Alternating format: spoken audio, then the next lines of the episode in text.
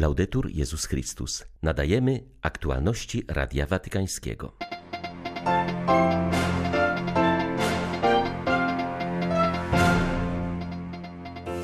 Powinniśmy zaufać Bogu, bo On jest naszym więcej, jest naszą siłą. Wszystko się zmienia, gdy dajemy Mu pierwsze miejsce, powiedział papież podczas mszy w Atenach. Rano na wyspie Lesbos, spotykając się z migrantami i uchodźcami, Franciszek stwierdził, że Morze Śródziemne stało się zimnym cmentarzem bez nagrobków. Urodzony w Grecji Polak uważa, że wizyta Ojca Świętego poprawi relacje między katolikami i prawosławnymi w tym kraju. 5 grudnia witają Państwa Łukasz Sośniak i ksiądz Krzysztof Ołdakowski. Zapraszamy na serwis informacyjny.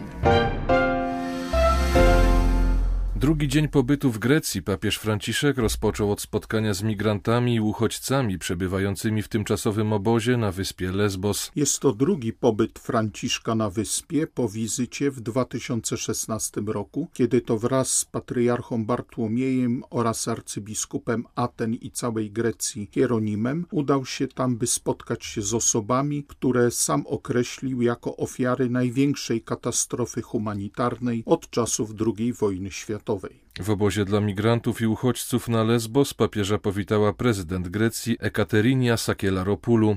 Wspomniała, że sytuacja mieszkańców obozu znacznie poprawiła się od pierwszej wizyty Franciszka w tym miejscu.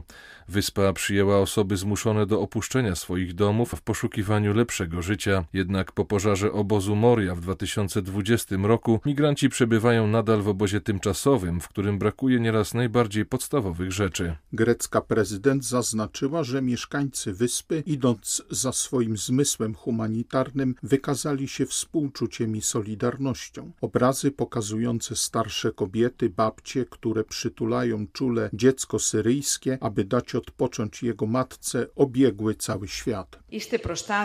Ojcze Święty, Ty jesteś obrońcą ubogich i uciśnionych, uczestniczysz w ich cierpieniu, jesteś silnym obrońcą ich praw. Twoja obecność jest znakiem bliskości i serdecznym wsparciem dla osób bez dachu nad głową, prześladowanych, pozbawionych marzeń i aspiracji. Niesiesz mocne przesłanie nadziei i odpowiedzialności na tę wyspę oraz przekazujesz je całej wspólnocie międzynarodowej.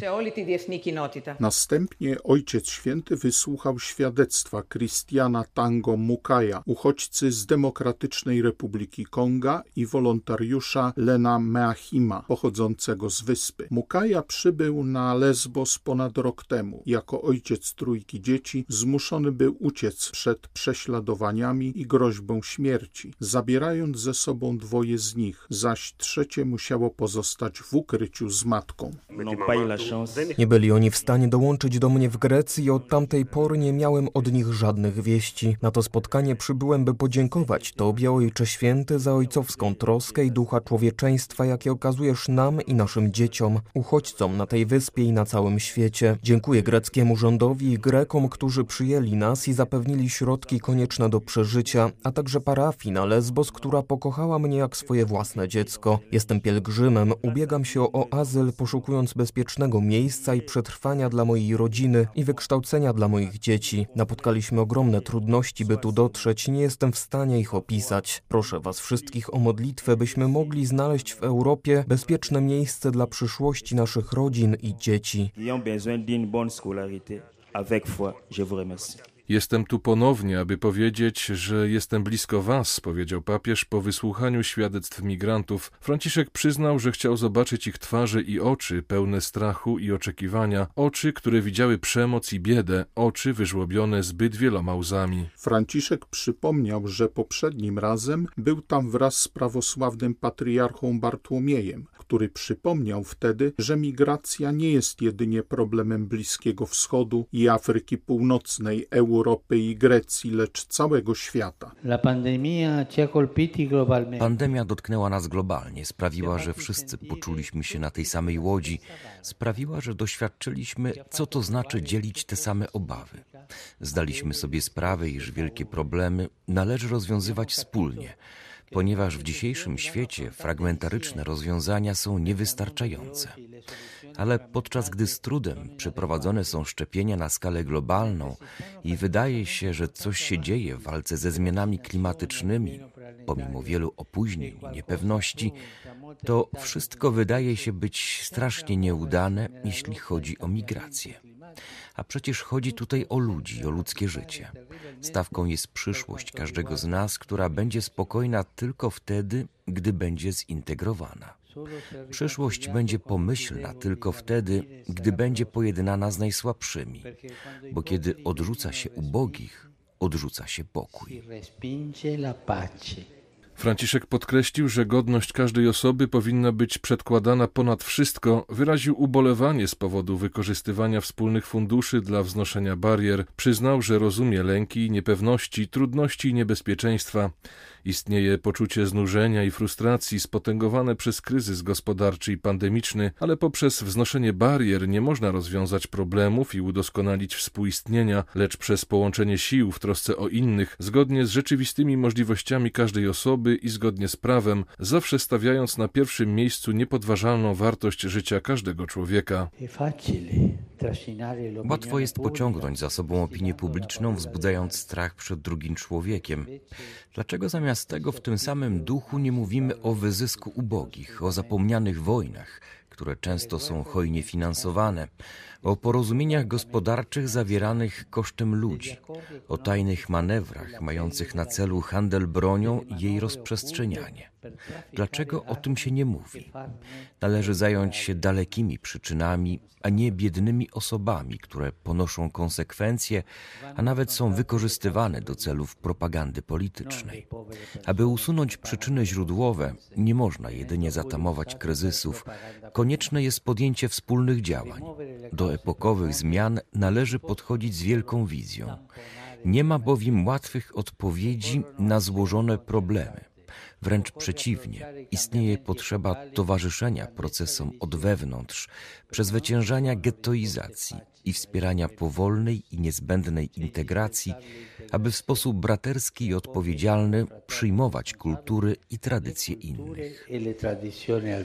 W sposób szczególny Franciszek ujął się za dziećmi i kobietami w ciąży. Przypomniał los tych, którzy zginęli w Morzu Śródziemnym. Przez tysiąclecia łączyło różne ludy i odległe krainy, a teraz staje się zimnym cmentarzem bez nagrobków. Ten wielki zbiornik wodny, kolebka wielu cywilizacji, wygląda teraz jak zwierciadło śmierci. Nie pozwólmy, apelował papież, aby Mare Nostrum zamieniło się w przygnębiające Mare Mortum. Nie pozwólmy, aby to morze wspomnień zamieniło się w morze zapomnienia.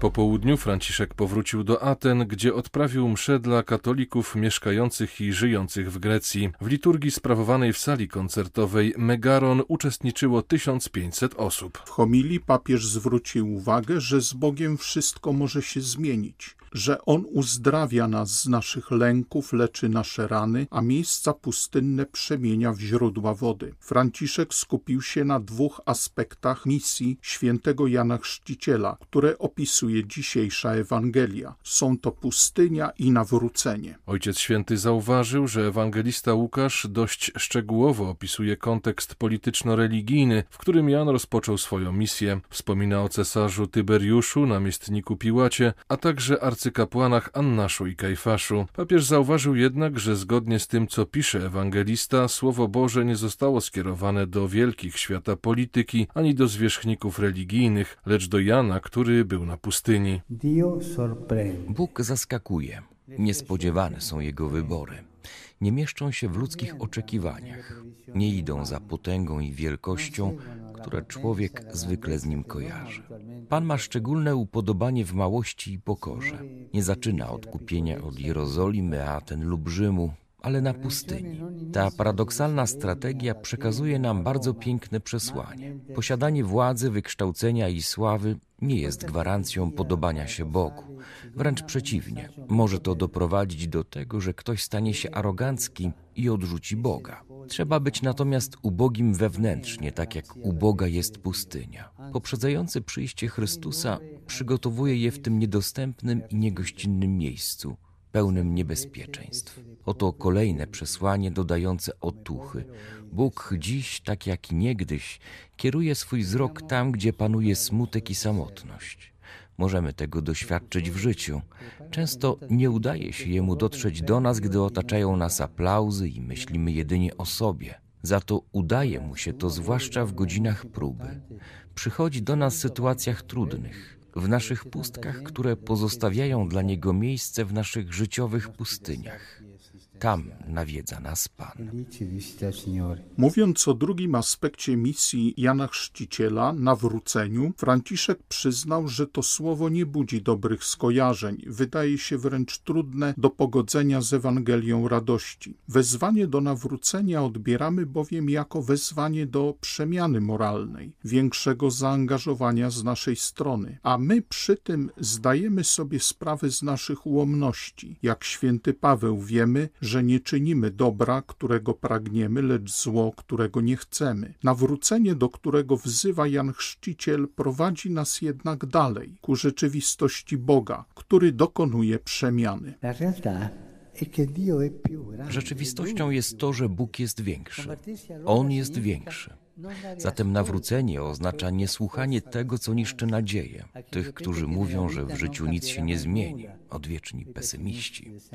To odrzucenie przekonania, że jesteśmy skazani na pogrążanie się w ruchomych piaskach przeciętności to niepoddawanie się wewnętrznym upiorom, które pojawiają się zwłaszcza w chwilach próby, aby nas zniechęcić i powiedzieć nam, że nie damy rady, że wszystko idzie źle i że bycie świętymi nie jest dla nas.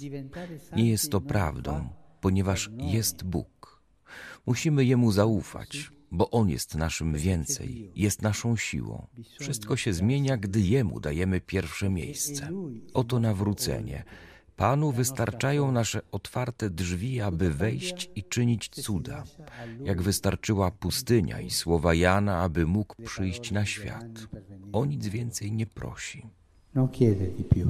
Ostatnim punktem tego dnia papieskiej pielgrzymki będzie spotkanie w nuncjaturze apostolskiej z metropolitą Aten i całej Grecji Hieronimem II. Jutro Ojciec Święty spotka się z przewodniczącym greckiego parlamentu, a następnie z grecką młodzieżą w szkole sióstr Urszulanek.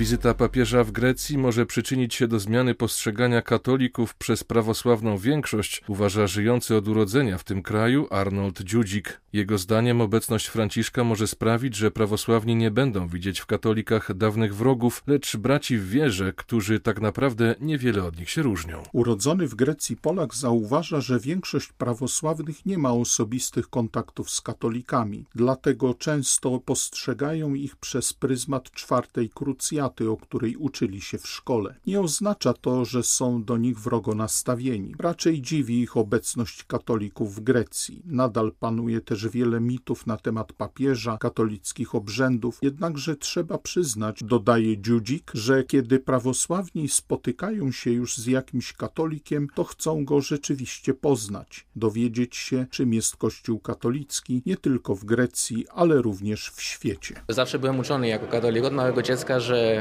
istnieje między wszystkimi, wszystkimi chrześcijanami, wszystkimi wyznaniami pewne uczucie braterstwa. Nigdy e, nie czułem do społeczności ortodoksyjnej tutaj żadnych, nie miałem żadnych uczuć niechęci czy wrogości. Najtrudniej jest, gdy się spotyka kogoś, kto może tylko z racji tego, co kiedyś usłyszał w szkole, czy jaką opinia publiczna ma zdanie o katolikach i o samym papieżu. Czasami utrudnia to nawiązanie pewnych e, relacji osobistych, ale zazwyczaj można przezwyciężyć się, poznając siebie nawzajem trochę lepiej jako ludzie.